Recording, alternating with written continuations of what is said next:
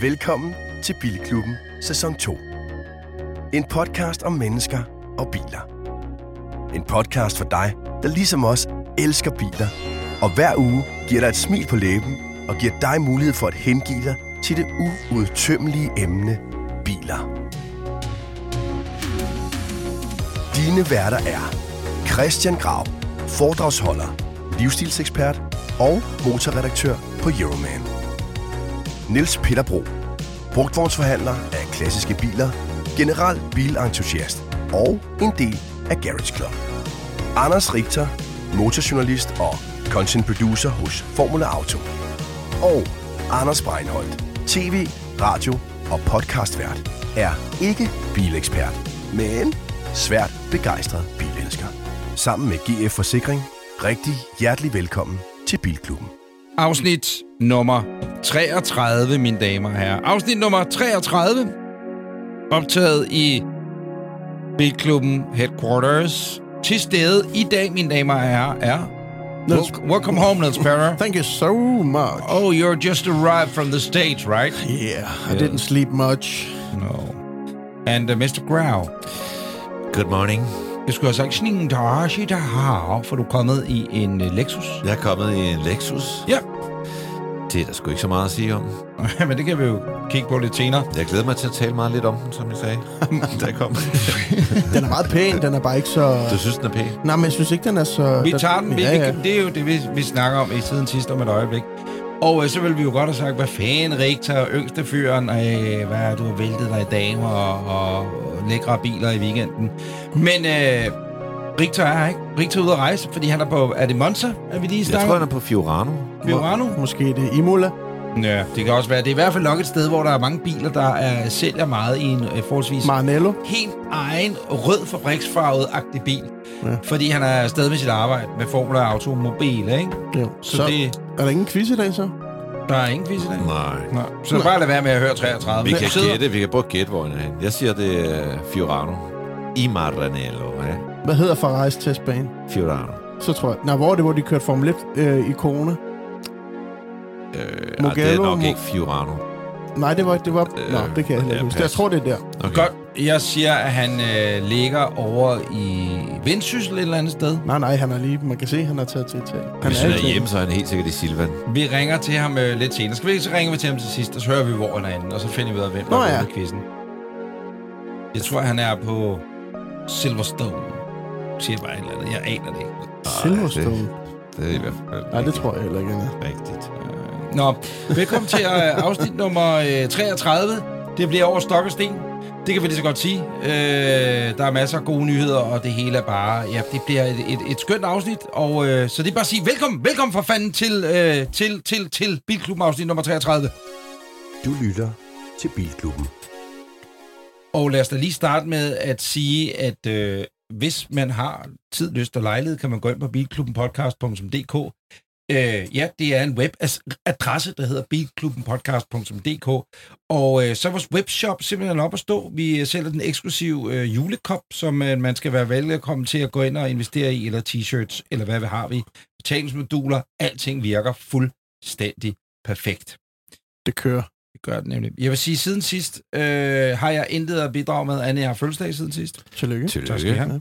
Øh, jeg var på Bornholm, kørte min egen dejlige e-tron rundt på øen. Super duper. Ingen Kan man Kom problem. du lade i bane 1? Jeg kom i bane 1 ud, og bane 22 hjem. Alt er godt.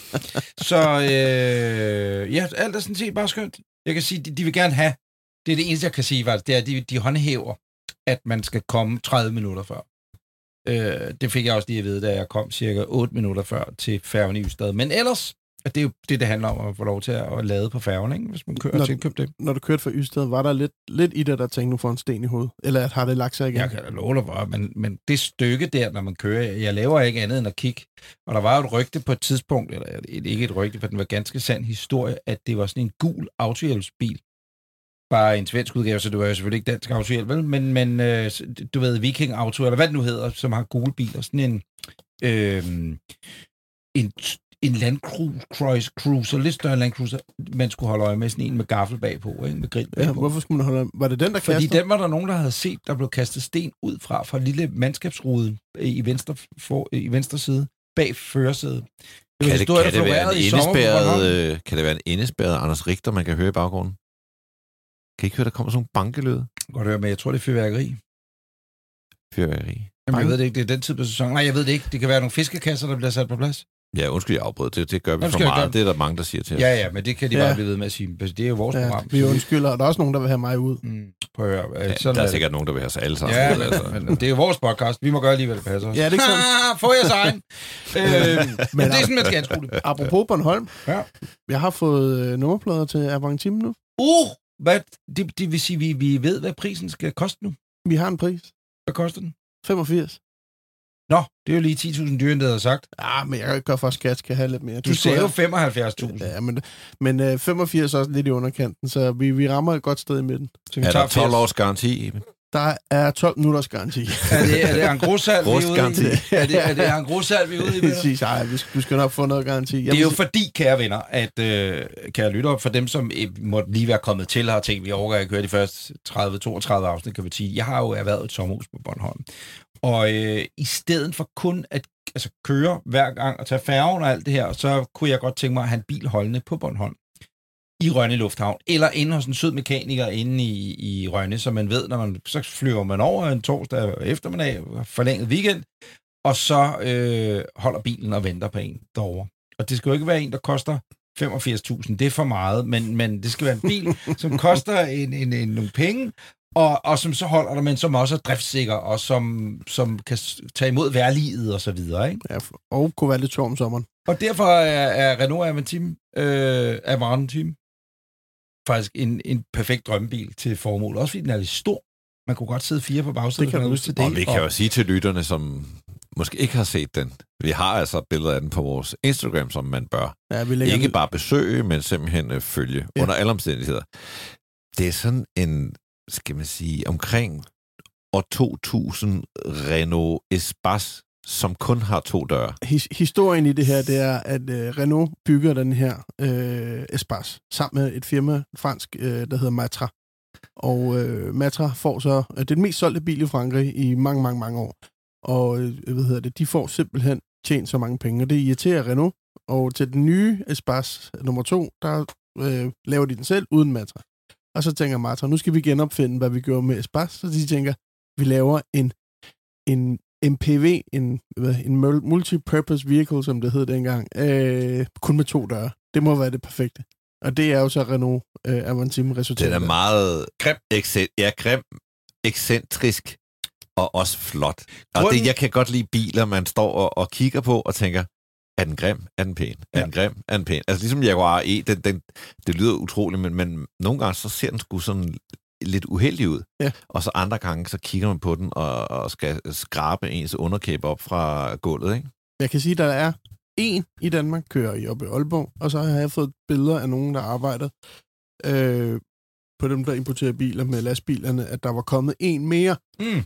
Øh, på vej ind i landet. Så der er cirka tre af dem i Danmark, og det er jo, altså, den er jo udulig, men alligevel så kører den bare så virkelig godt. Men det, der er det fede ved den, synes jeg, og derfor den så i øvrigt også er en genial sommerbil, og så videre, så videre, så videre, det er, at øh, der er ingen stolper, forstået på den måde, at vinduerne simpelthen bare kan køre ned både bag, bagruder og forruder, altså i siderne, ikke? Ja, Mm. en coupé, Sider for, ja, og så, så bliver det en kupéagtig stemning, og så har den også et stort kæmpe soltag, soltag. Ja. hvilket betyder, at øh, man har en form for cabrio. Man får i hvert fald rigeligt med gennemtræk, det er 100% sikkert. Så på den måde kan det godt blive en fed sommerbil. Nu ved jeg godt, at I kalder den Espace, men altså, det er jo en forlænget udgave af Renault Megane, som den så ud på det tidspunkt også, ikke? Ja. Altså, og det er jo også Renault Megane indvendigt. Jeg ved ikke, det, det Jo, hele altså, er... mange af detaljerne var ligesom gået i den Megane, der har den der hønserøv. Øh, Ja, det er præcis. ligesom øh, været forgang. Det har været deres haute couture på det, ikke? Nå, men, men Men vi, blev produceret i hele 8.000 eksemplarer. Det vil sige, priserne på dem brugt er stigende i Europa, skal jeg sige. Jeg køber den. Øhm, Så, så er du tilbage. Man behøver ikke at skrive til Peter og sige, Nå, så vil jeg godt give 90 for den. Jeg vil sige en lille sjov ting, det er, at jeg er ved at bygge mit hus om, og øh, der har vi ansat en arkitekt. Du har og brug for ved- pengene jo. Nej, og øh, øh, som, altså, det er jo ingen overraskelse, at den arkitekt synes, det var den flotteste bil, han nogensinde har set. Oh, ja, så Det er, det er typisk arkitektbil, ikke? Ligesom en Saab 900. Jeg kørte forbi øh, Automester i går, på, på, eller ikke i går, i forgårs, da vi kørte hjem fra Bornholm. På Bornholm? I Rønne, ja, og på Bornholm. øh, Spurgte du, om de kan lave sådan en Renault der? Ja, men det jeg havde tænkt mig at gøre, så hvis man lytter med på Automester, øh, på, på Borgmester Jensens vej i Rønne, så kan man lige spidsøre. For ude foran der, ikke? Der holdt der en Toyota Land Cruiser. Og det var altså den helt store motherfucker med, med altså kæmpe kabine i, og sådan en rigtig held overbevelse. Hvor Sådan en, gammel? Jamen, øh, jeg har lyst til at sige 80'er, 80'er Fy for slut helvede. 70'er. Jamen, sådan en, du ved... Øh, den salg? Firkantede lygter eller runde? Øh, det kunne jeg ikke se, for den havde bagsmækken ud. Så okay. det er rundt i det. Øh, ja. Men, men vi er ikke helt 70'er. Må du tage et billede næste gang, vi, vi, Ja, Anders? men jeg har kørt forbi. Var vi det skulle til salg? De, øh, den har ingen plader på, men når den holder sig automester uden plader, så tænker jeg, at den godt kunne komme til salg. Ja. Og den tænkte jeg også på kunne være meget grineren, men det er nok mere end 85.000. Det er det helt sikkert. Nå, prøv at høre, øh, siden sidst, øh, Grav, Ja, men jeg er blevet klogere siden sidst, fordi jeg sad og vrøvlede lidt øh, Nå. i sidste program, da jeg talte om Kia EV6. Jeg tror, jeg kom til at sige, at den kostede fra 360.000. Ja. Jeg skulle have den med i Godmorgen Danmark, og det forberedte jeg dagen efter, og så så jeg, hov, den koster jo for 325.000. Det betyder så også, at den er faktisk kun 5.000 dyrere end Ioniq 5. 5. Øh, Så giver det hele jo lidt mere mening. Ja, det hele giver lidt mere mening, fordi vi sad og talte om, gud, var, var, altså, var det virkelig 40.000 mere værd, den hed Kia, og, og der er det brand jo ikke endnu. Øh, og så er der i virkeligheden, jeg tror, de er nok prissat relativt ens, for der er noget med udstyr og det ene og det andet. Øh, så de der 5.000, de har sikkert øh, ben at gå på. Men altså, det gør det bare endnu mere til et spørgsmål om smag og behag. Vil man tage den ene, eller- vil man tage den anden? Så har jeg været ude og køre i en uh, Volvo C40 Recharge Mm. Der er du, Twin. du er nødt til at forklare. Det er en Volvo XC40, som jeg tænker mange lytter kender, deres lille SUV, som er lavet om til en uh, coupé SUV. Så en, en BMW X6-agtig. Ja, Bare mindre, ikke? Ja, ja. jo. Og ikke så Ikke? roser. X2. Ja, jeg plejer at sige, at det, det ligner en flodhest i lykra, ikke? Altså, ligesom din e-tron Sportback gjorde. Ja, men som jeg, men, øh, jeg har den jo ikke som sportbag, men jeg, jeg synes, det. bliver Det- pænere og pænere for hver gang man ser den. Ja, jeg synes, din bliver pænere og pænere Nå, for hver gang. ja. Ikke, Der er jeg ikke Sportback. grav. Men anyways, øh, altså en coupé-version, og så er deres elbil, som jeg har talt om tidligere, som Mm. jo øh, deler teknik med Polestar 2. Så det er 408 hestekræfter, det er på den her 441 km range. Den har 29 km ekstra range i forhold til øh, XC40, fordi den har bedre aerodynamik. Til gengæld, øh, altså, så må jeg bare sige, øh, jeg, jeg, jeg kan ikke rigtig det der coupé SUV. Jeg synes, bilen er rigtig fed, og den kører, altså, og nu har jeg jo lige kørt EV6, og jeg må bare sige, jeg, jeg kørte faktisk også lige den, der hedder ID4 GTX. Ja, den har jeg glædet mig lidt til at høre. Øh, Med en ja, 300 hestekræfter, er det ikke? Den har 299. Ja, altså, den Og kan der... trække jo et 1500 kilo Ja. på, på krog. Præcis. Der kan Volvo så trække 1800. Mm. Men anyways, som jeg ikke må sige ifølge en lytter, men det gør vi selv, for så kan du bare lave din egen podcast. Det det, Øh, så vil jeg sige, den den, den, ikke at har, folk også, har folk også... Okay, stop, stop, stop, stop. Jeg går jo ikke i en bakken. Jeg har aldrig gået i programindbakker. Eller, Det må passer du ikke. Men, men, men det er fordi, det spiller tid oftest, når folk skriver sådan noget. Og det, det kan man så godt sige, så er det nemmere, at I lader være med at høre, høre det, i stedet for at skrive, hvis grav, det generer nogen, at du siger anyways. så skal man fuck af.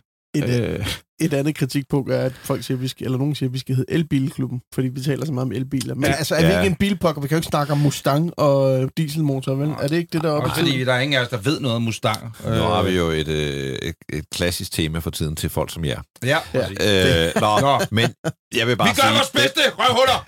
Den den må kører- spørge om noget. Den kører bare... Prøv at de mange andre elbiler, de har sådan noget lidt mærkeligt passivt dødt over sig, og det handler selvfølgelig om vægt. Jeg vil sige, uh, Kia der, den gør det sådan set ret godt med sådan noget med styretøjet, som bare giver zero feedback og er sådan lidt let i det. Den der Volvo og Polestar, øh, det setup der, det spiller bare. Det, det er fandme en levende og sjov bil øh, at køre i. Det er klart, øh, med fueltræk og 408 hestekræfter, der kan godt være sådan lidt snigende understyring, men man skal faktisk øh, straffe den ret hårdt, for at den øh, hiver det frem. Så øh, Men de Det laver er- også XC40 som recharge, som Ja. ren el, ikke? Ja. Så det er coupéen koster 15.000 mere. Øh, så den er op for mindre i, plads. Ja, så den koster små 460, hvor øh, den anden koster 445. Så XC40 og C40 er den samme bil. Det er bare en coupé. Fuldstændig. Fuldstændig. Hvorfor, Og, hvorfor undlader man X'et i den, når det er... Altså, X'et står for høj i Volvo-verden. ja, altså C står for coupé i Volvos verden, ikke? Ligesom C30 også lidt af en coupé. Ja. Øh, Skulle den måske hedde CX-30. Nå, så, men det, det vil jeg bare sige, hvis man øh, kigger elbil, så skal man lige ud og køre de der. så. Mm. Jeg, øh, siden sidst, du har et helt indslag til siden sidst, så, Ja, ja, så, ja. ja. så den tager vi Ja, sgu men- lidt senere, Peter. Skal vi ikke gøre det? Jeg kommer da bare lige i tanke om nu, inden vi hopper i nyhederne, at i lørdags, der så jeg da den nye VW Multivan i levende live. Ej, den er flot. Den kommende multivan. Jeg var inde og pille og rode og rave i den.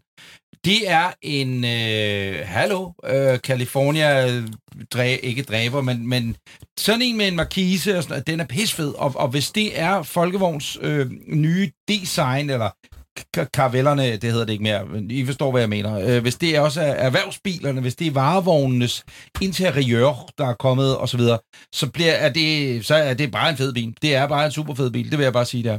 Hvad så? Hvad sker der, Grav? Hvad laver du, Grav? lidt, jeg skal have en cola. Jamen, jeg spurgte dig, Nå, inden men vi gik i så gang, om du så, skulle have en cola. Øh, skal Nej, tak. vi øh, lave det hele om. Nå, Ja. Grav, jeg starter nyhedsdænken. Er du klar? Nej! Nå, så Men, kan du men vi blive om kan lige snakke om uh, Multivan et øjeblik. Øh, hvor, hvor så du den henne? Jamen, det er til et lille lukket arrangement. Jeg var jo så i en intern i Men jeg, jeg, det- tror, jeg det- tror, fordi. Mercedes V-klasse øh, følger jo lidt Vitoen. Det vil sige, Vitoen får lidt eller det samme interiør som V-klassen. Det vil sige, jeg tror måske også, transporteren får lidt det samme som. Det tror jeg bestemt, det er. Øh, jeg kunne have læst op på den og alt muligt og sagt, nå, øh, hvilken motor kommer den med videre. Det, det har jeg sgu simpelthen glemt. Øh, jeg kan bare sige, at det kommer som en plug-in hybrid. Øh, og den øh, desværre ikke 100% el. Det havde været meget fedt. Men, men den er fucking fed. Lad mig sige det på den måde. Jeg har faktisk lagt i ovnen til, om øh, man skulle lave en aftale om, at øh, man kunne få sig sådan en eller en tilsvarende, og så lave et kørende podcaststudie. Nej, det kunne være sjovt. Det er så bare lidt mærkeligt, når vi har et podcaststudie med jul. Men så kunne den trække studiet. Og vi kan få den, ja. Det var siden sidst.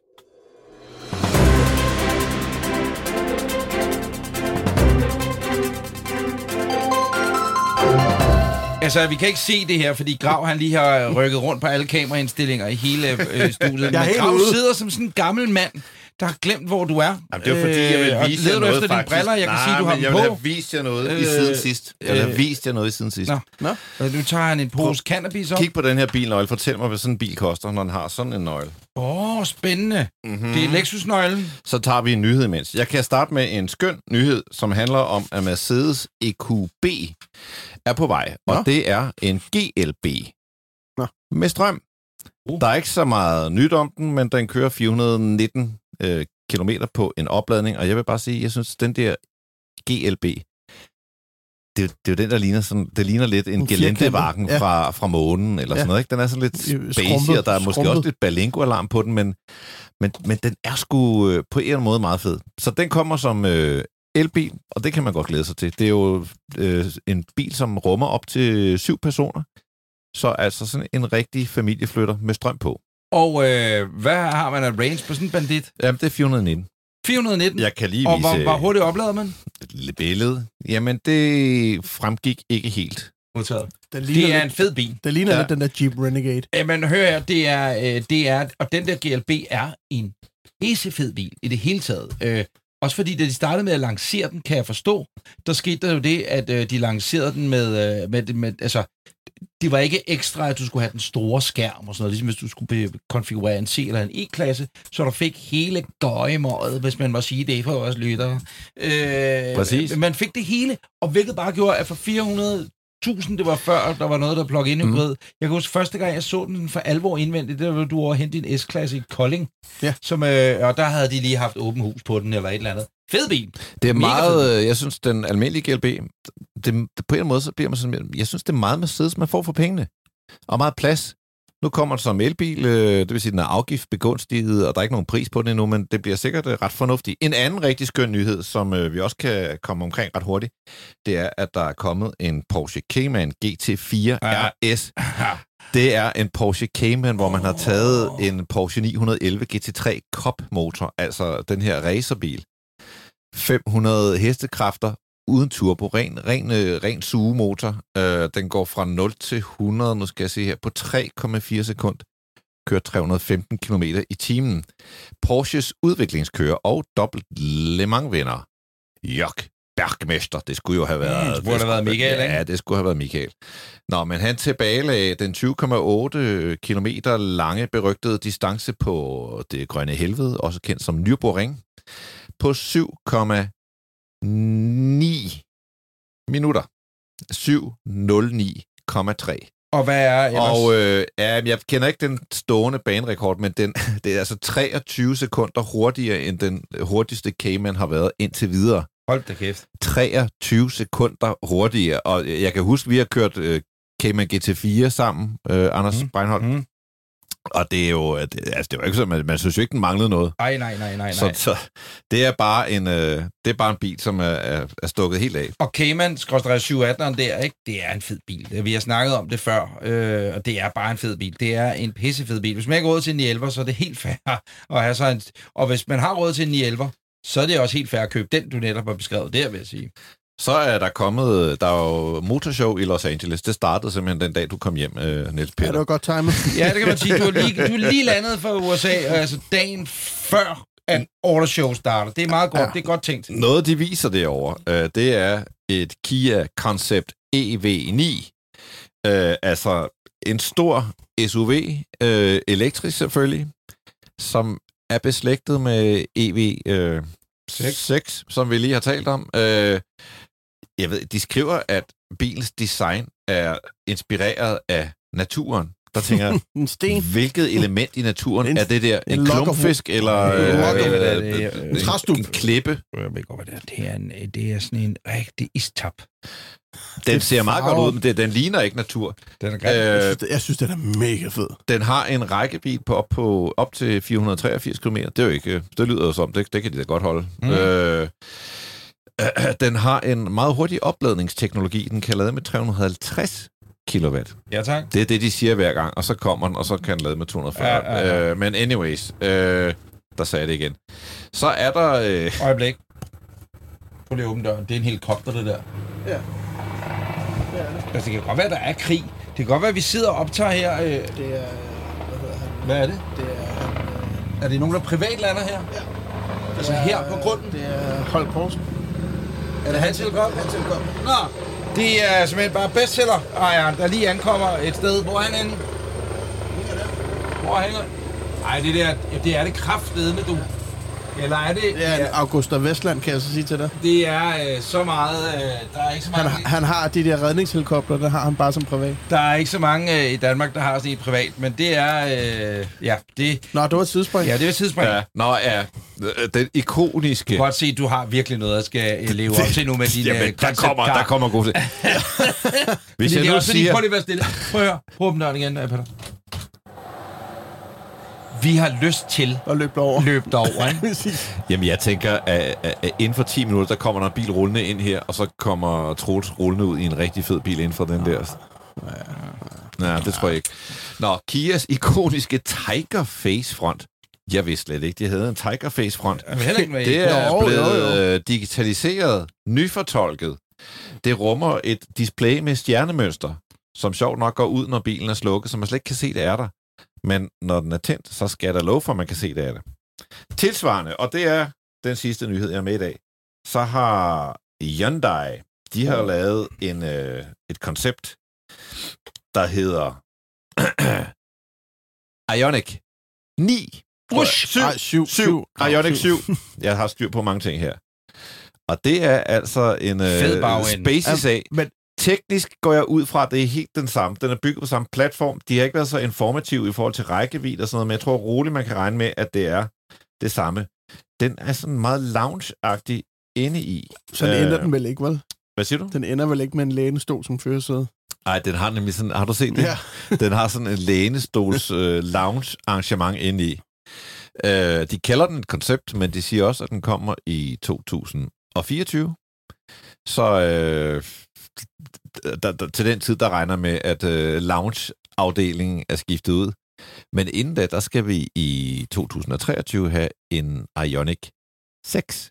Nå. Mm, som er en sportssedan. Er man holdt helt op med at lave almindelige firkantede stationcars?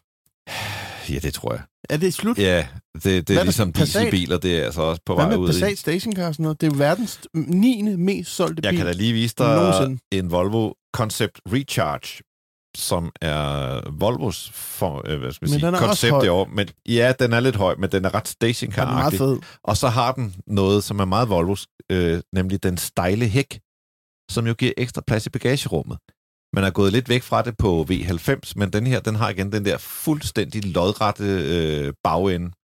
Øh, men det er altså også en bil, som blot er et koncept. Kære lytter, du kan jo gå ind på øh, Bilklubbens podcast, Bilklubben podcast på Instagram og Facebook, og derinde der ligger billederne i synkron rækkefølge, øh, i synkron rækkefølge, det hedder det ikke, øh, kronologisk rækkefølge, og så swiper man bare igennem i takt med, hvad vi taler om. Og, og fordi jeg Richter ikke er, her, og fordi jeg har fået nyheder ind i, øh, i indbakken, øh, lige fire minutter før vi begyndte at optage øh, afsnit 33 her, øh, så vil jeg godt læse op, du har også fået den ved, Christian, det er et nyt bilmærke, der kommer til Danmark, der hedder Xpeng, eller Xpeng, eller Xpeng, eller Det lyder det kinesisk. staves XPENG, og de skriver i pressemeddelelsen, udvidelsen fortsætter med lancering i Danmark, står der så.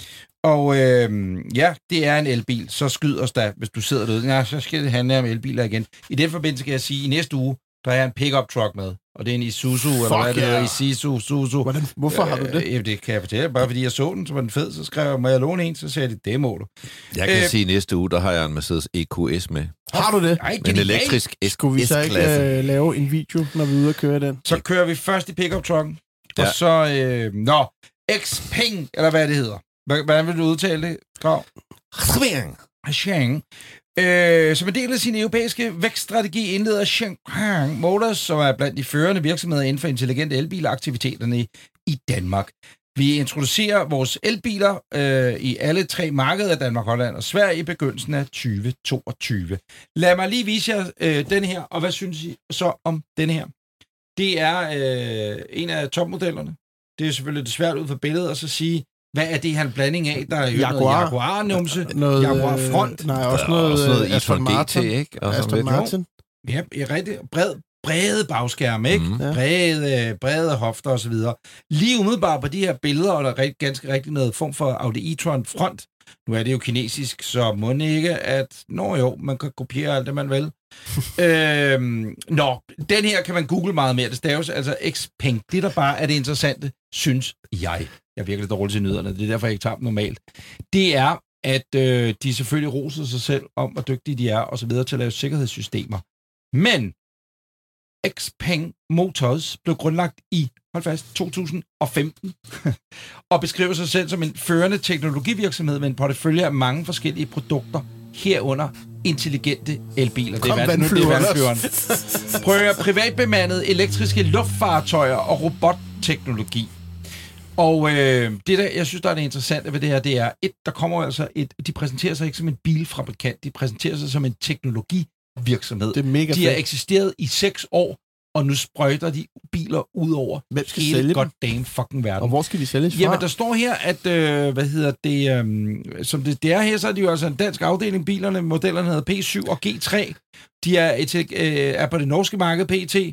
Øh, og for at svare på dit spørgsmål, så kan jeg ikke umiddelbart se her, hvem det er, der skal sælge dem i Danmark. Men øh, det vil jeg da godt prøve at følge op på og finde ud af en dag. Men det er bare spændende. Igen, vi har talt om det før, ligesom med Polestar 2. Jeg ved godt, det er, eller Polestar, at det er Volvo, der står bag. Men der kommer bare nye bilmærker til verden hele tiden. Det er den her disruption, Mm. som, som man oplever i bilbranchen, hvor man har gjort tingene, som man plejer i så lang tid. Så starter med, at Tesla kommer og siger, at det gider vi ikke. Du kører bilen, alle udstyret er der. Du Ja. kan vælge, om skal være rød Præcis. og blå, og så kan du vælge, om du have en større fælge, om du vil trække på den. That's it. Og, Og nu er der jo kommet diverse kinesermærker, som gør det samme, og som, hvis der ellers ikke var mikrochip-problemer, så giver det en enorm fordel, at du kan få bilerne meget, meget hurtigt, fordi hvis du siger, at den skal være brun, og så skal den have orange indtræk, og så skal den have navi, og så skal den have en stor skærm, og så skal den det ene og det andet, så skal de jo lave bilen nede i Wolfsburg, eller hvor, ja. hvor det nu er, og så, så går der bare noget tid. Jeg vil lige sige, øh, øh, og, og din teaser også fra hen imod, når vi rammer dig, øh, Peller, øh, med hvad, hvad du har lavet siden sidst. Ja, dit eget indslag, fordi du kom ind fra Amerika. As we speak, der er det tredje mest værdifulde bilmærke i verden af Rivian. Ja. I, mens vi har været væk i den her uges tid, så gik Rivian, den amerikanske elbil, 20 procent ejet, hvor meget det er af, af Amazon, ikke? 12 procent af Ford. Øh, Den blev udbudt i kurs 100, og i går så jeg, der var den oppe i 149, og jeg sagde til en af mine venner, jeg vil ikke selv købe bilaktier, fordi det, det skal ikke hedde sig, jeg har nogle Nej. interesser der. Nej. Men jeg sagde til mine venner, som godt kan lide at handle aktier, så den her, den skal du tage at kigge på, fordi det er et spændende projekt, og Amazon er med, Ford er med, Amazon har 20 procent, Ford har 12 procent, øh, og så sagde han, ah, jeg synes, den var for stor, og bum, bum, bum, bum, bum, bum. Så sagde det bare lige plus 49 procent ikke, på en uge. Bang. Og hvor mange biler har de officielt solgt? De- Zero. Det er det, der er så sindssygt. De har selvfølgelig en masse forudbestillinger, men helt overordnet, der har de solgt nul biler. Det er en meget spændende tid, vi lever Har- Nu flyver han. Prøv at høre. Jeg er engang blevet hentet fra selv samme helikopterlandingsplads herude for Javn. Eller nu har hun i København flere gange, og det er et genialt sted at flyve Kunne fra. vi ikke også inkludere helikopter og fly i vores podcast?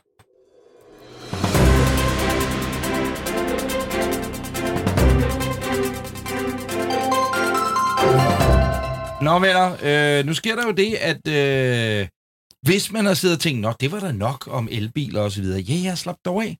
Så skal vi handle om de gode gamle biler nu. GF Forsikring præsenterer Pas godt på din klassiker. Et veteranbilstema i Bilklubben podcast lidt sørmodig musik indikerer jo også, at vi er på den tid af året, at hvis man har en veteranbil, en oldtimer, en klassiker, Så kan man ikke bruge den. så øh, kan man jo selvfølgelig godt bruge den, hvis man er idiot. Nej, hvis man... Øh, det, det, det, det er kutume er jo, at man kører, også på grund af forsikringer og så videre, at, at man kører i garage omkring lige 1. oktober. Ikke? Præcisere, at det er ulovligt at køre i din veteranbil, hvis den er veteranbil indregistreret. Modtaget. Okay, det vidste jeg var ikke engang klar over. Fordi forsikringen dækker ikke, og hvis du ikke har nogen forsikring, så må du ikke køre i din Modtaget. bil. Men du kan godt få nogle forsikringer, som... Brugsveteran Øh, hedder det så. ja. Så er det en brugsveteranbil, så er det noget andre regler, det er noget dyre, og du øh, hvad hedder det, har ikke det limit, der hedder 6.000 km. Skal ikke sende dit øh, billede af dit speedometer ind til. Mm. men der var nemlig en øh, sød lytter, som skrev til os øh, Hej, Anders med Breinholt, et billede. flot. Ja, ja, det skrev han. Og så bagefter skrev han, Ses på at han har en øh, nabo, som kører i en øh, Mercedes 108, altså sådan en S-klasse. 109, med, tror jeg, det var. Øh, Ja, var det det? Men i hvert fald den her S-klasse, som kom i 60'erne, og som har nogle højkantede lygter, ligesom en pagode. Fantastisk flot bil. Han kørte i den hele året. Men det er så brugsveteran. Øh, Der ja, er ikke noget, der holder dig fra Det- at gøre det. nej, det, det kan være, at vi skal have nogle, øh, nogen, der kører oldtimer hele året til at Mm. skrive til os, så Kunne kan vi tale med sådan en og høre om øh, oplevelserne. Ja, og præcisere reglerne og også tankerne omkring det, fordi man siger jo, har jeg forståelsen af jo, over, om det er så synd for den, altså hvis vi er bort fra forsikring og så videre. Der er jo selvfølgelig også noget slitage, og vi bor et sted i verden, hvor at, øh, vi salter vejene og så videre, de, de vinter, der er. Nå, men i sidste uge havde vi jo øh, over en bred kamp, kan man sige, be- belyste vi emnet.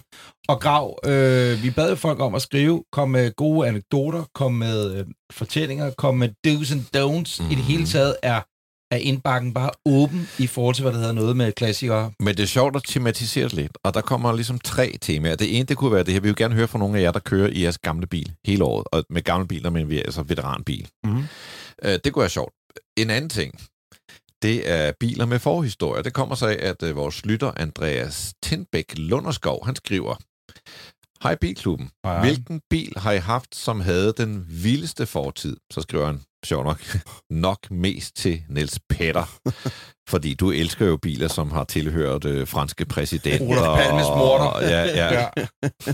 En øh, lille, bare lige en hurtig anekdote. Kan jeg huske, jeg snakkede om dronning Ingrids øh, Jaguar, jeg var ved at købe. ja. Jeg fik den jo helt forhandlet på plads til 40.000 kroner, og hoppede fra, for men jeg kunne sgu ikke bruge flere biler. Den er nu til salg igen for 115.000. Du kunne have købt den for 40. Ja, men den altså, den, er ikke 100 115? den er jo ikke 115.000. Altså ligesom folk siger, åh, øh, de koster 40.000 euro nu. Nej, nej, nej, de er til salg for 40.000 euro. Ja, det er jo ikke ja. solgt. Nej. Altså, Mm. så den er til salg for 115.000. Jeg tror ikke på, at den ryger til det. Hvis den ryger over 40, så vil jeg faktisk være overrasket. Nå, Ja. tilbage til grav. Jamen, øh, har du ikke haft en bil, der har en øh, Jeg har fortid? haft flere, men jeg vil sige, den, der skiller sig mest i øjnene, det er en 1980 øh, hvid Alfa Romeo skudsikker, jeg havde, som jeg købte. Øh, ikke af øh, via en mellemmand, men af det italienske politi. Den blev øh, leveret i 1980 til en øh, medlem af mafiaen på Sicilien. Ikke Sicilien, Calabrien. Francesco Muto. Og han var fiske øh, kongen kaldte de ham. Det er ham, der ligesom skummede floden på alt fiskeriet på Adriaterhavet. Og øh, han øh, skulle Stærk. bruge en bil og blive kørt rundt i, og dengang, der skulle du have noget, som ikke var øh, opsigtsvækkende, øh, fordi at øh, så kunne folk se, at du kom kørende. Så det skulle være en almindelig bil, og valget faldt så på en Alfa Romeo Alfetta i hvid, helt standard med standard fælge, og man fik den så lavet øh, skudsikker og bombesikker. Øh, og han kører, fik den så leveret i 1980, og i 1981 blev han arresteret, og er faktisk først lige nu blevet øh, løsladt. Den bilen stod i, på det italienske øh, politilager i dekader, blev så solgt til en samler i München, og øh, han prøvede så at finde en lignende i politiversion. Man sagde jo dengang i, hvad hedder det, i Italien der i 80'erne, at øh, politiet og mafiaen kørte stort set den samme bil. Og når der var biljagter, så var det dens bremser, der gav op først tabt. Eller den bedste chauffør i virkeligheden. Ja, præcis. Øh, så jeg fik lov at købe den øh, på en auktion i øh, faktisk i USA, mens bilen stod i Europa. Det afholdt mange for at byde på den. Og øh, jeg købte den og havde den i et, et års tid. Men solgte du den ikke? Øh, Jo, det- fordi- det- Var du nogensinde ude at køre i den selv? Ej, men jeg, jeg, har, jeg har kørt lidt i den.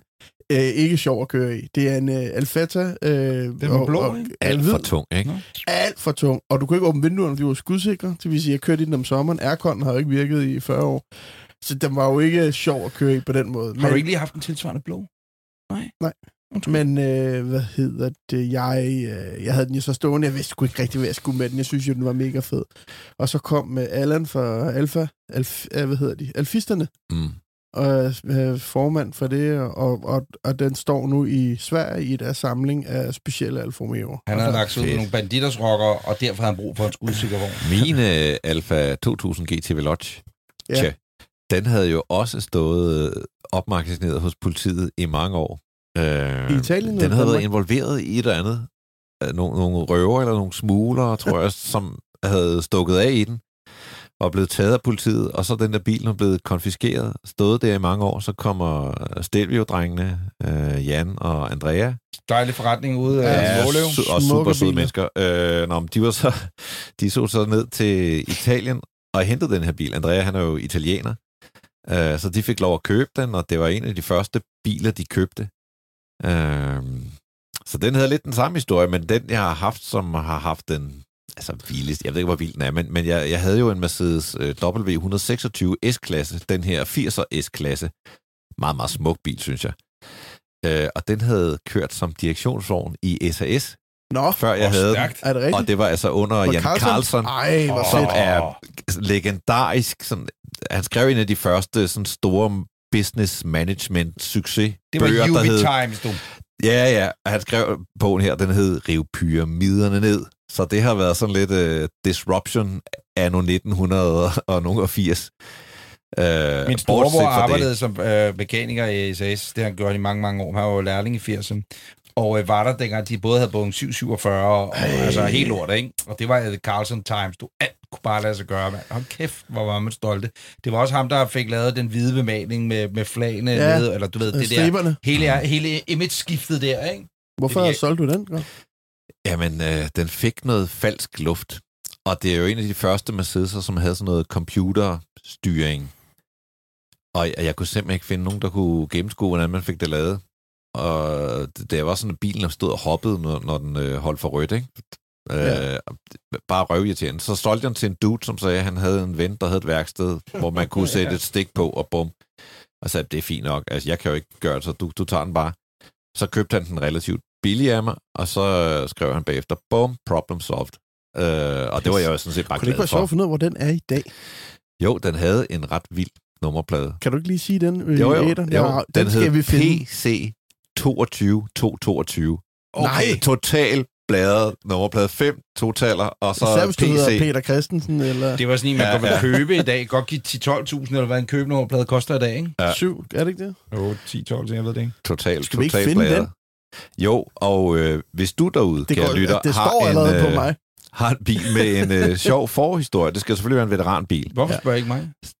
Jo, ja, så skriv har til os, kære lytter. Og nu hvor du lytter med, Anders, har du en sjov... øh? Nej, jeg kan da bare sige, at øh, den havde ikke en god forhistorie, men den fik lidt historie, vil jeg sige. En Fiat 126 har omtalt før fra 1974. En af de sidste byggede, eller ikke lige den, men stadigvæk bygget i Italien. Skal vi ikke finde den også?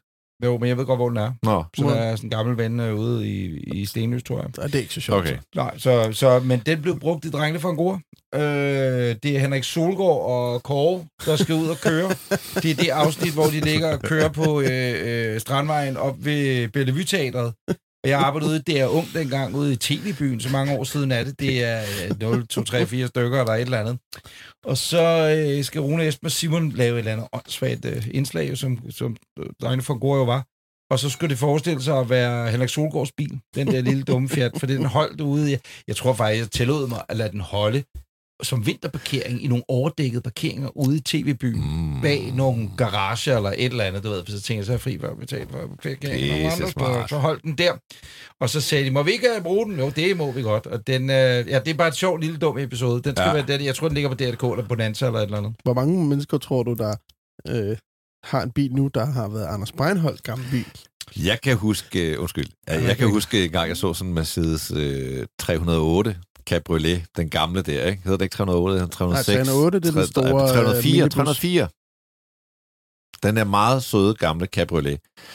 Den så jeg til salg. Og så Mercedes? stod der i annonce, Peugeot, undskyld, jeg, jeg, jeg er så dement. Men altså, anyway, Nu er jeg en Peugeot 304. 304 Jeg har øh, Cabriolet, sådan en til salg lige nu. som havde tilhørt, øh, den havde tilhørt Malene Schwartz. Åh! Oh. Og den stod billigt. Der var ikke nogen, der gad købe den. Lige pludselig så var den væk. Men, og jeg ved ikke rigtigt. Jeg tænker, jeg vil gerne betale ekstra for at Malene Kan vi nå lige en hurtigt? Skal ja. være Da hurtigt. jeg købte min øh, Mercedes øh, R107 SLC, som så hedder C107 Coupé, øh, der var jeg lige ved at købe en sort, som havde været tilhørt øh, Dion Warwick.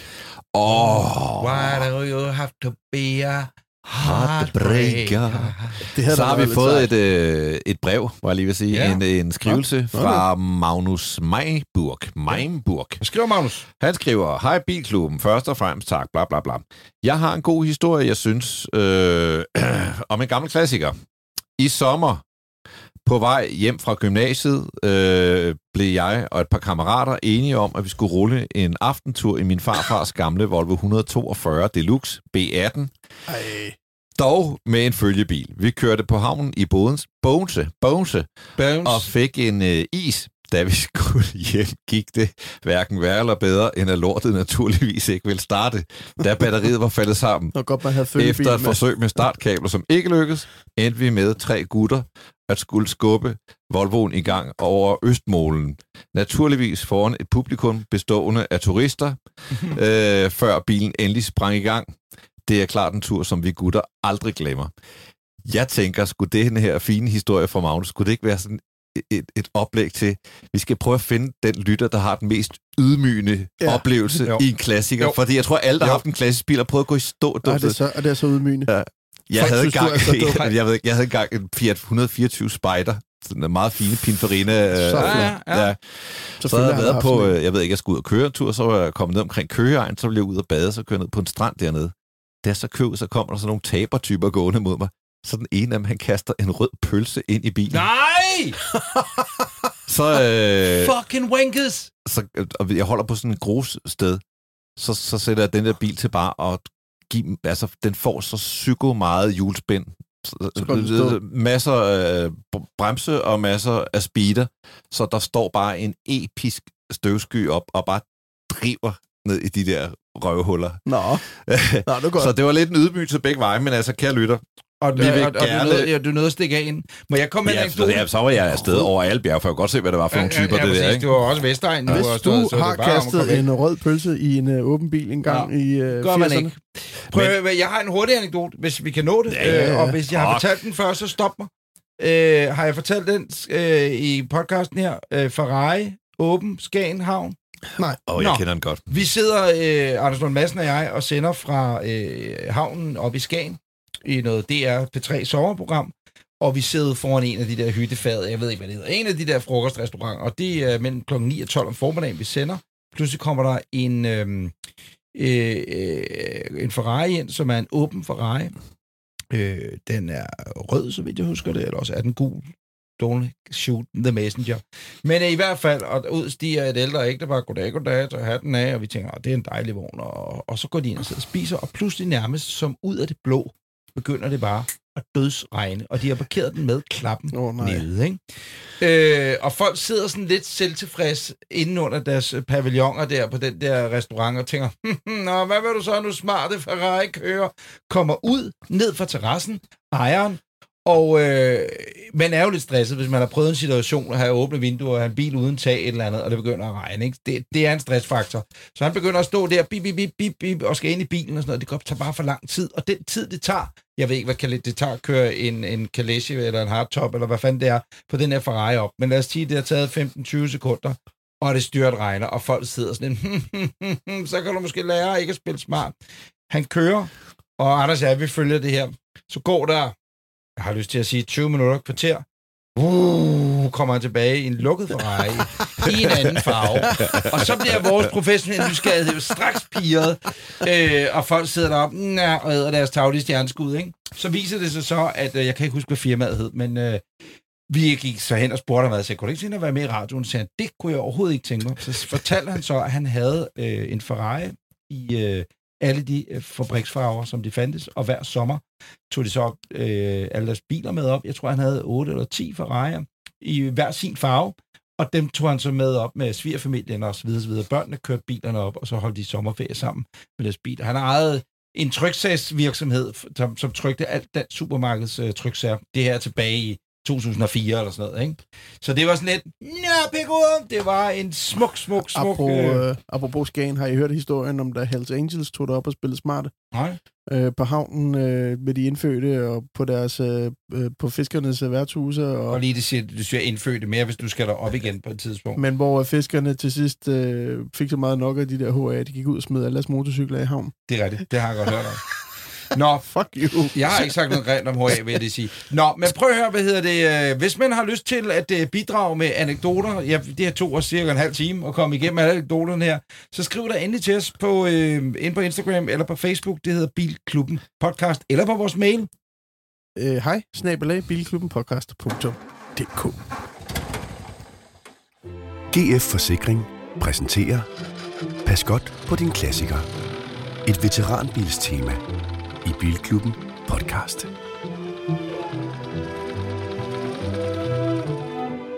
Hey, let's go to America. Så skal vi ud på en lille tur. Vi skal nemlig ud at se med NP.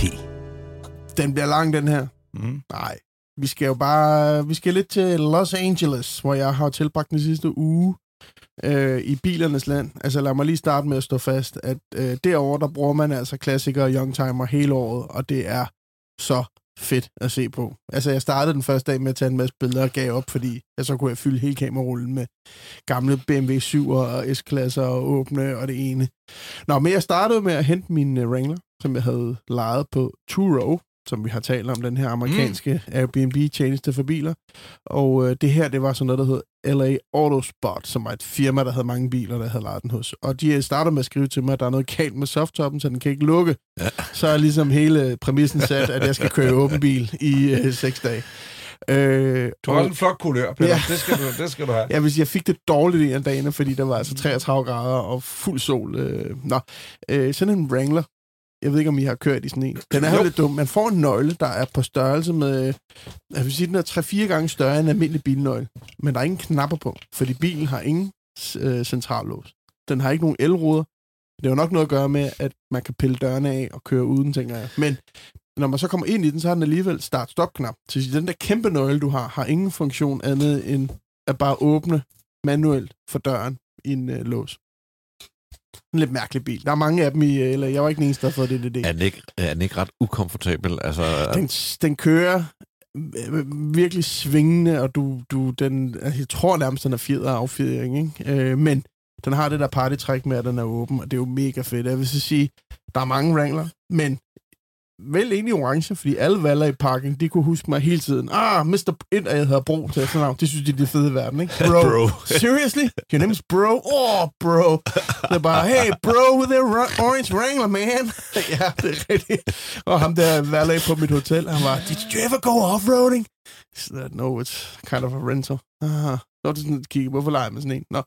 Øhm, men ja, det er ikke engang løgn. ja, det er, fordi jeg er turist fra helvede. Fandt det nu, jeg er jo turist. Hvorfor har du en Mustang 1,8 øh, liters? Fordi jeg er turist, og det var det evige skamer.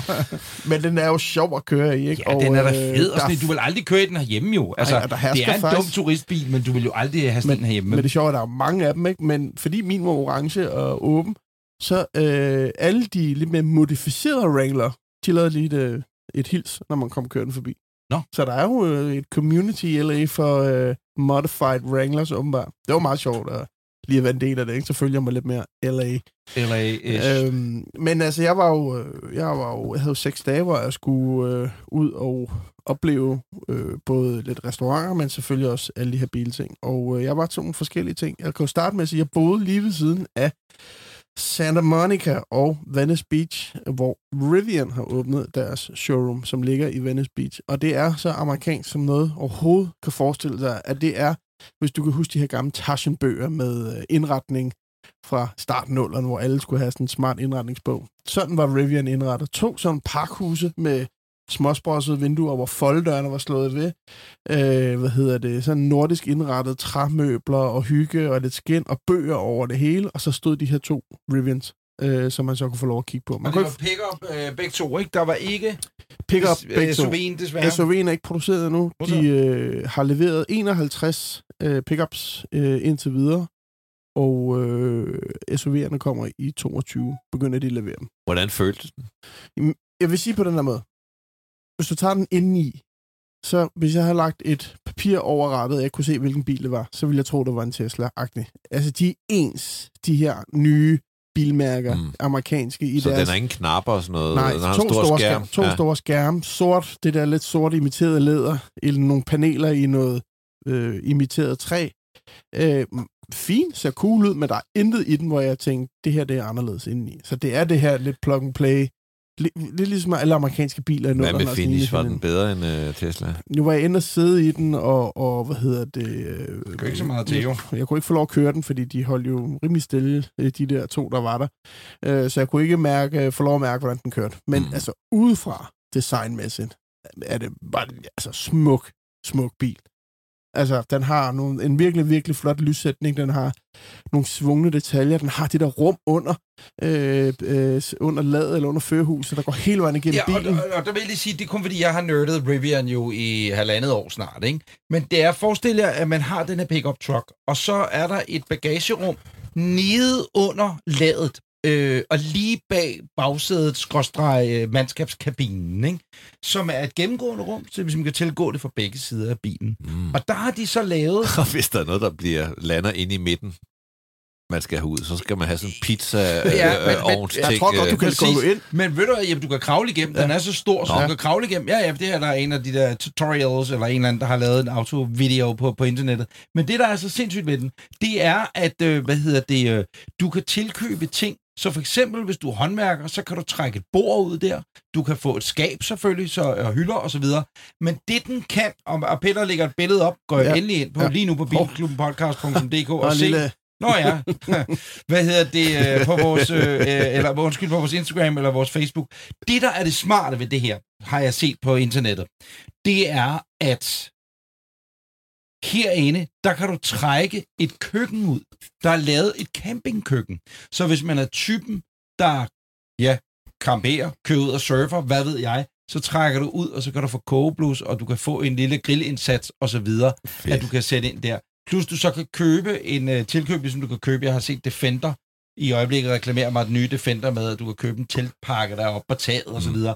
Her kan du købe en teltpakke, som også er på ladet, og så pakker ja, det ligesom. Ikke? Så på den måde, ja, ja, det er det, jeg siger, hvis du hører det efter. Thule øh, har sådan en, du kan lave til alle biler. Præcis. Ja, ja. Nå, men det, så, så det er sådan en, det er som om, at den virker til, at, at det er sådan en... Øh, en outdoor ja, utility. Ja, den, øh, og så er det også en håndværkerbil, ikke? Men de, øh, kan, kan det huske Rolls Royce, at de har i sidedøren, der har man ligesom en paraply liggende inde langs hele døren, hvor ja. man ligesom, når man åbner døren, kan du lige trykke på en knap. Det kunne du også her. Det var bare en uh, stor uh, MacLight, der kom ud, sådan så du har noget lys til, når du er ude. Så det er klart, men det er jo også interessant at se, at den mest solgte bil i USA, by far, og verdens tredje mest solgte bil nogensinde er Fords 150 Mhm. pickup-serie. Ja. Så det er jo klart, at Rivian starter med at lave pickups, for det er det marked, de vinder. Og nakker. Jo, jo, og så har Ford jo 12 procent af det, ja. Så de er jo lidt med på den, hvis, øh, hvis det går godt. Jeg tror, vind lige, ja, Mm. præcis. Jeg tror, det er derfor, de har sat pickuppen i, i produktion først. Ikke? Og der, der er du anderledes end alle de andre ved at køre sådan en. Den er ikke lige så høj som de der store, øh, brutale amerikanske pickups, men altså, jeg fik virkelig et godt indtryk af at være der. Jeg synes virkelig, det var fedt. Mm. Jeg synes også bare hele ideen omkring Rivian, jeg synes hele designet, der, deres folk, de har ansat, det var sådan, det var bare rart, det var bare fedt, det var sådan meget, faktisk, nu lyder det lidt sjovt, men meget europæisk. Lidt Apple-agtigt. Meget, Jeg synes jo Ja, også... jeg skulle lige, som er det- overhovedet ikke deres- europæisk, det er jeg klar over, men... deres showroom var en til en kopi af Apples butikker med de der lyse træbord og øh, ovenlys og hvad hedder det. Jeg synes, jeg, Jeg det var, tænker, i forhold til at få omvendt nogle af de der konservative segmenter, så er ideen om en pickup nok også meget fed i USA.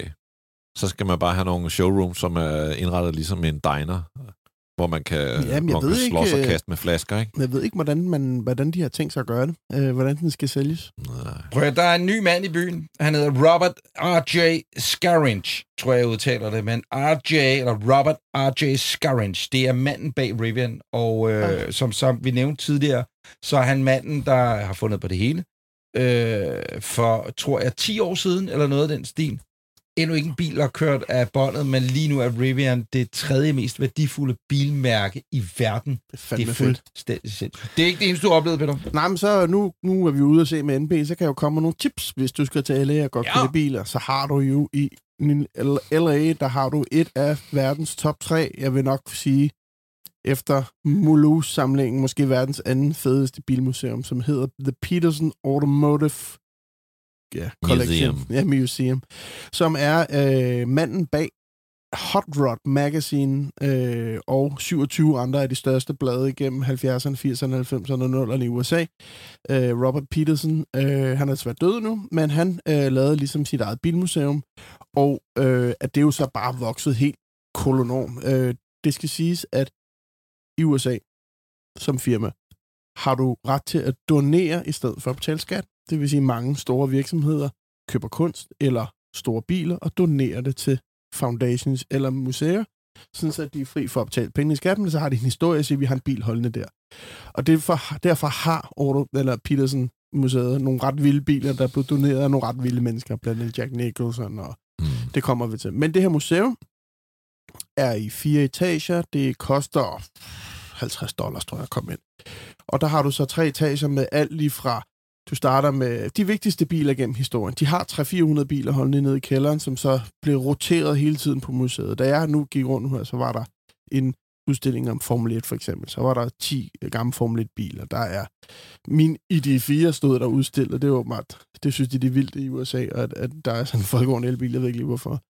Øh, og i bunden var der... Nå, men det, kan, er det ikke noget med grund til, at den står der vel også, men de tænker, altså for historien, der Ja. er det den første sådan, eller i det træen kunne det også have været, men, men hvor det var, altså det er symbolet på en ny tid, ikke? Fuldstændig. Det jeg så, du havde lagt op, jeg synes, det var ret interessant, det er prototypen til Tesla Model S. Den er der, ja. Højt. Og den var virkelig pæn. Meget pænere, end den er i dag. Der holder også uh, DeLoreanen fra Back to the Future. Den var nede i kælderen. Oh, damn, where's that kid? kom Damn, damn, præcis. where's that kid? Jeg kommer til, at de plejer at have i stuen en Hollywood Car Expedition. med men, Flux. Øh, Expenturator, det kan jeg ikke huske, hvad den hedder. men den var øh, i stueetagen var der nu en udstilling med alle, øh, hvad hedder det, de originale Bondbiler. Blandt andet Ej. den, som øh, i, øh, jeg kan ikke, den med Vector, hvor at øh, hun ligger på vejen, hvor han kører ud, og den ruller rundt. Den stod der i smadret udgave de har også... Øh, har det ikke øh, Gaddafis... Øh, Ej, nede i det, de kalder The Vault, som så er, øh, hvad hedder det, ned i kælderen, der, det er sådan, der kommer du kun med på en guided tur, og du må ikke røre bilen eller noget. Det er et andet, hvor der holder 400 biler. Og den var jeg også på, øh, og der går du rundt, og der, du har jo alt fra den første Ford A, der holder nogensinde til hvad hedder det, en DeLorean i 24 karat guld, som American Express udledede i en konkurrence til den sidste Mustang bygget til, til al og alle Hollywood-bilerne, og der holder Saddam Husseins øh, Mercedes det er sådan X600. der. Ja. Og øh, hvad hedder han? Marcos' øh, S-klasse 126 er der. Ja, der er virkelig mange vanvittige Det kan anbefales. Ja, tag ind og se det, fordi det er en skide sjov dag. Tip Nå, nummer to. den dag, jeg, var der, øh, der var der øh, i Los Angeles noget, der hedder Brit Week. Og det er øh, en, sam, en, en, en sammensværgelse af, af dem, der har fede engelske biler. De har lavet sådan en, en dag, hvor de mødes på taget af Otto, eller Peterson Museet og spiser morgenmad. Så kørte man rundt i byen og endte med Beverly Hills, øh, hvad hedder det, rådhus. Og jeg vil tro, der var en 50 biler med. Og der mødte jeg jo vores gode ven, Magnus Walker. Han var der. Oh, top of the morning to Ja. you. Og du fik en snak med ham? Ja, og øh, øh, ham Ham og han... kig lige på mig, vær ærlig. Snakker du med ham, snakker du med ham? Var det bare sådan, hello, my name is Peter Ja, from det var sådan Denmark. noget den vej. Ja, Men, okay, men fint det, var, det vilde var, at når vi så var færdige, og jeg på min bil, så kom han gående ved siden af mig, og øh, går, han skal over samme fodgængerfelt. Vi står ved siden af hinanden, og jeg står med min telefon med kamera til Jeg kunne ikke få mig selv til at spørge, om jeg må få et billede med. Ej, du er gået over samme fodgængerfelt samtidig med Magnus Hvorfor Walker. spurgte jeg ikke, om jeg måtte få et billede til at Det have er det? Jeg jo kunne ikke næsten Abbey Road øh, toeren, der Ja. ja. kommer der, og I går over fodgænger over. Så. Jeg har det på samme måde, vil forstået på den måde, jeg har aldrig været så tæt på ham. Øh, jeg synes jo, at hans Instagram-profil er helt genial, og hans film på YouTube er fed og sådan noget. Jeg har lavet en gang et arrangement for Porsche, hvor han skulle have været der og holdt foredrag i, i, i København og Aarhus, hvor at, øh, jeg skulle øh, interviewe ham. Han aflyste selvfølgelig. Ja. Fordi at Porsche øh, Internationale, de havde bedt Danmark om, at så sagde han, ja, han kommer ikke til, at vi skal bruge ham nede i Frankfurt i stedet for satans også. Men han, var, han stod med sin kone, Som. Stuttgart, hvor det var. Suffenhausen. Ja, sorry. Jeg var så dagen før ude til noget, der hedder Autoconduct, som er lidt mere i min boldgade, som er nogle drenge, der har nogle øh, værksteder og nogle bilopbevaring i, en, ude, helt ude i, jeg vil ikke sige Belfast, eller i Glendale, eller jeg ved ikke, hvor fanden det var. Det var langt væk. Øh, hvor at man havde sådan nogle gamle fabrikshaller, hvor man havde fede biler stående. Der så jeg blandt andet flere helt gamle klassikere lavet om til øh, elektriske biler. Og øh, bare en fed oplevelse at være, være ude i, i undergrundsbilmiljøet i LA. Og note til os selv, øh, gider ikke at huske mig på, og det kan I også gøre, kære lyttere, at der er flere og flere, og der er en eller anden legendarisk, øh, at det er i Holland, sted, hvor at de bygger de her gamle biler om til elbiler. Ja. Øh, og det, det synes jeg faktisk godt, vi kunne sætte, øh, altså det gad jeg godt høre meget det. mere om. Vi kan ringe en eller anden op, hvad fanden ved jeg, er der nogle danskere, der sidder og ved noget om det? Og de der, altså, hvad skal der til? Hvad koster det i øvrigt? Altså, hvad vil det koste at få bygget en eller anden gammel, fed klassiker om til en 100% elbil? Og hvad er teknologien bag? Hvor langt kan de køre? Og sådan noget? Det gad jeg godt. Der er mange, vi- der gør det. Nej, men Præcis, og jeg, vi ikke- havde, vi jeg havde det med i en af de, i de første afsnit. Et, et, David Beckham er medejer af et firma, som bygger elektriske skraldbiler, og de har så som Præcis, sidegeschef gået om I til know. at bygge uh, Men det var mere, at vi får fat i en, øh, som, som øh, måske arbejder der. En eller Ja, anden, ja. som kan sige alt om, hvad skal det koste? Fru Hansen sidder derhjemme og tænker, min gamle Taunus, kunne det ikke være grineren fra 77 eller den til 100% el? Nå, Tid, tiden løber, så Ja, ja, det det, sidste, nemlig. jeg ville sige, det var, at det grund til, at jeg faktisk tog det over, det er, fordi jeg har på, øh, fire af de her gamle folkevognsråbrød stående, som skal bygges om. To er færdige, jeg skal over godkende arbejde, og så få sendt dem hjem, og det gjorde vi. Og jeg var så ude, det ligger så i noget, der hedder Orange i øh, Kalifornien, eller i LA. Orange og, County. nej, ja, øh, ja. Og ved du hvad? Tag derned næste gang. Hold kæft, hvor var der fedt. Mm. Nå, det er sådan en side, øh, der er noget, der hedder Orange Circle, som er sådan en gammel rundkørsel. Det ligner noget fra en gammel amerikansk øh, film. Og øh, jeg var ude og prøvekøre de her busser, og især den ene, jeg har, som er den her øh, grønne, som jeg fandt i Kansas, kørte den tværs over USA til de her, for at få bygget den om, og den har automatgear. Fuck, den var Halleluja. virkelig fucking fed at køre i. Nå, jeg fik sendt dem hjem og lavet planer for de to næste. Blandt andet skal den ene bygges om til noget, der kan blive til et kørende podcast studie Uh, ja. slash merchandise bilklubben, når vi kommer ud i det danske land. Skal vi elificere den? Skal vi se, finde nogen, og så få lavet den om til en elbil? Skal vi ikke køre jorden rundt i den, og så lave en podcast, der var hele turen? Peter, høre. det, øh, det lader vi op til i lytterne. Tak for din rejseberetning. Det, Det var, var en, øh, en, øh, en kæmpe fornøjelse. Tak for det. Husk, at billeder af alt, hvad vi taler om, kan jo altså ses i kronologisk rækkefølge på vores Instagram og på vores Facebook. Vi hedder Bilklubben Podcasts. Så er det tid til Gravs brevkasse. Du kan spørge om alt og få svar på noget. Vi starter med en øh, skrivelse fra Morten Skov. Kære Gravs brevkasse. Noget tak og ros. Bum. Øh, så kommer vi til, jeg er midt i 40'erne og har i mange år kørt Porsche som søndagsvogn. I sommer solgte jeg min sidste Porsche for at prøve noget andet. Nu er jeg faldet pladask for en Civic fra 1975. Den er så mega fed, og i total, øh, total standsat stand. Det er mig, der røvler lidt her, ikke? men den er altså i super god stand. Men jeg er enormt i tvivl, om det er en god søndagsbil, og om så gammel en bil holder mekanisk og med rust og så videre. Håber, I vil hjælpe mig. Bilen koster omkring 100.000, så det er ikke den store udskrivning. Nu kan jeg lige vise jer bilen. Jeg, jeg elsker den her første Civic. Jeg synes, Ja, den ja. er så yber cool, og den står altså i en meget autentisk 1975 orange. Jeg skal være ærlig og sige, jeg har aldrig prøvet at køre en Civic. Den har ikke specielt mange hestekræfter. Det, det, er, nok, det er nok ikke fanes fest ud i køreglæde. Men er du sindssyg? Øh, det er kæmpe kapital, jeg, Jeg- jeg herfra. har kørt i en Civic. Fordi jeg arbejdede på et lager ude i Ballerup. Dano Kemo hed det. I et halvt års tid. Og derude, jeg har desværre glemt, hvad han hed, men der var en øh, øh, yngre fyr, der arbejdede på lager, og han havde en. Øh, det var, jeg husker det som om, det var start 80'er Civic med fuldstændig samme slags. Den, som Hightower i politiskolen river forsædet ud af, for at kunne være inde i den, så han sætter sig på bagsædet. Kan du huske det? Mm. Den scene. Øh, sådan en. Og det, det er ren go-kart. Den, jeg husker det som om, den kører som en fucking go-kart. Det er en, øh, Pisseskæg, sådan en mini-agtig øh, stemning. Så du siger ja, og jeg siger ja, og NP... Nu kommer en lille anekdote. Der, når jeg var på Petersen Museet, der var noget i The Wall, der holder en Civic i hvid. Og øh, historien bag den er, at en mand går på et loppemarked i Kalifornien, køber den til 1000 dollars, øh, vil sætte den lidt i stand, øh, finder ud af, at øh, vindnummeret er 000001. Det vil sige, det er den første bil, Honda nogensinde har produceret. Ah, ah, ah, ah, fordi jeg havde nogle modeller før Civic, men det er den første Civic, de har produceret. Ja, men så var det... Og Civic var den første bestseller, er Honda rigtigt. fik lavet. For de havde nogle modeller før, jeg kan ikke huske, hvad de hed. De havde sådan noget H300 og sådan noget. Altså, Ja, men jeg tror og måske, der var ikke var... nogen af dem, der rigtig slog til, men, men Civic'en, det blev jo bare en kæmpe succes globalt. Så han øh, skrev til Honda, og de sendte så en masse penge til ham og sagde, nu bygger vi lige, nu får vi lige sat den i stand. Og den holder nede i kælderen. Ej, hvor Ja. lucky bastard. Siger du øh, køb? Øh, jeg elsker små øh, hverdagsklassikere, så jeg... Også det der, den er så sjælden, men jeg tror, at den er rustudsat. Det er nok derfor, der ikke er flere, men øh, den er fed. Så har vi øh, Torben Bager. Det, vi, har, vi har lidt været i den her før, kan jeg sige. Nu skal jeg lige finde den helt rigtige version er, af den. det, er det en bil til 100.000? Nej, det er ikke den. For den tænker, den tager vi med Richtør. Ja. Jeg skal købe ny bil. Jeg bruger bilen på job, øh, hvor jeg kører cirka 25.000 på årsbasis, og øh, noget privat, bommel om cirka 35-40.000 km om året. Jeg bor i en lejlighed i Søborg, øh, og der er ingen ladestander i nærheden, så fuld el eller hybrid er ikke rigtig en mulighed. Han har lyst til at købe en diesel. Han kigger lidt øh, 320 V60, A4, A5.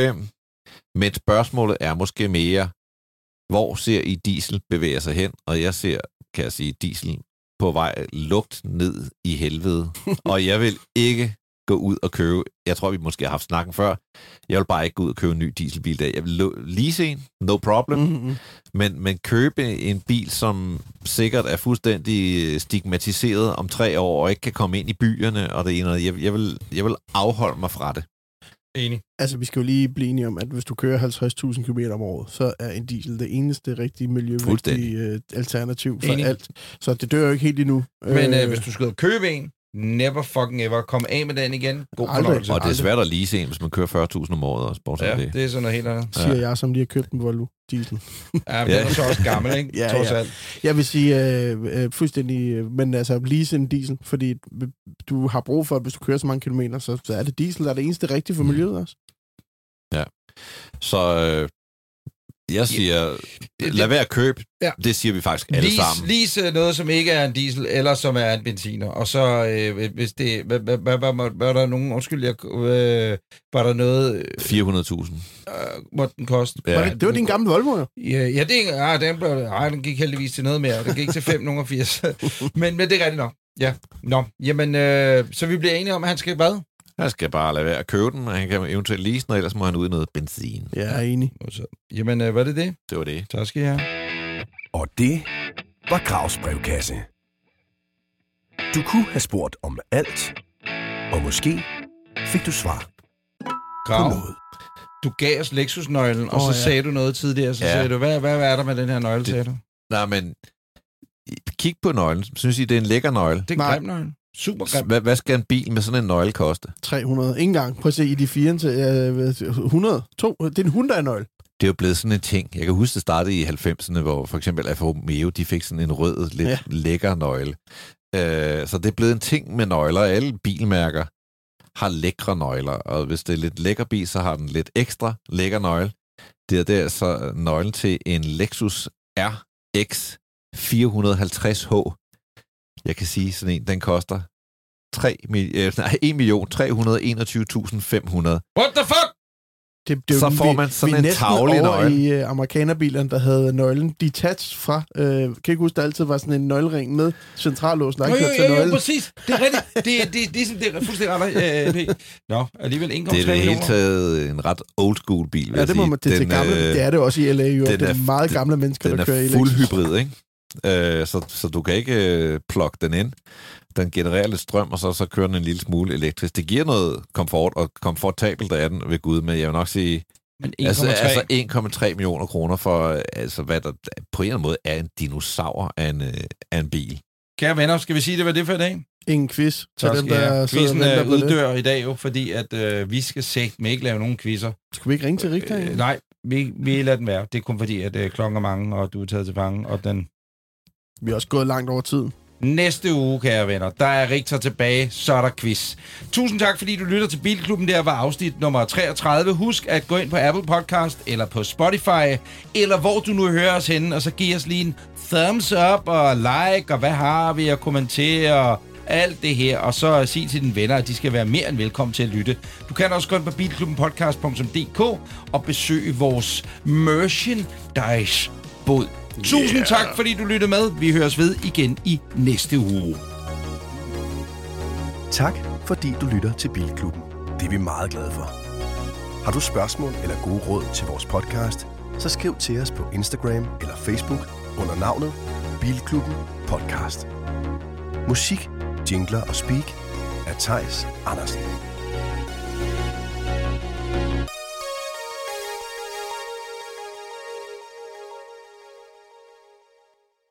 Endnu en podcast fra Breinholt Studios.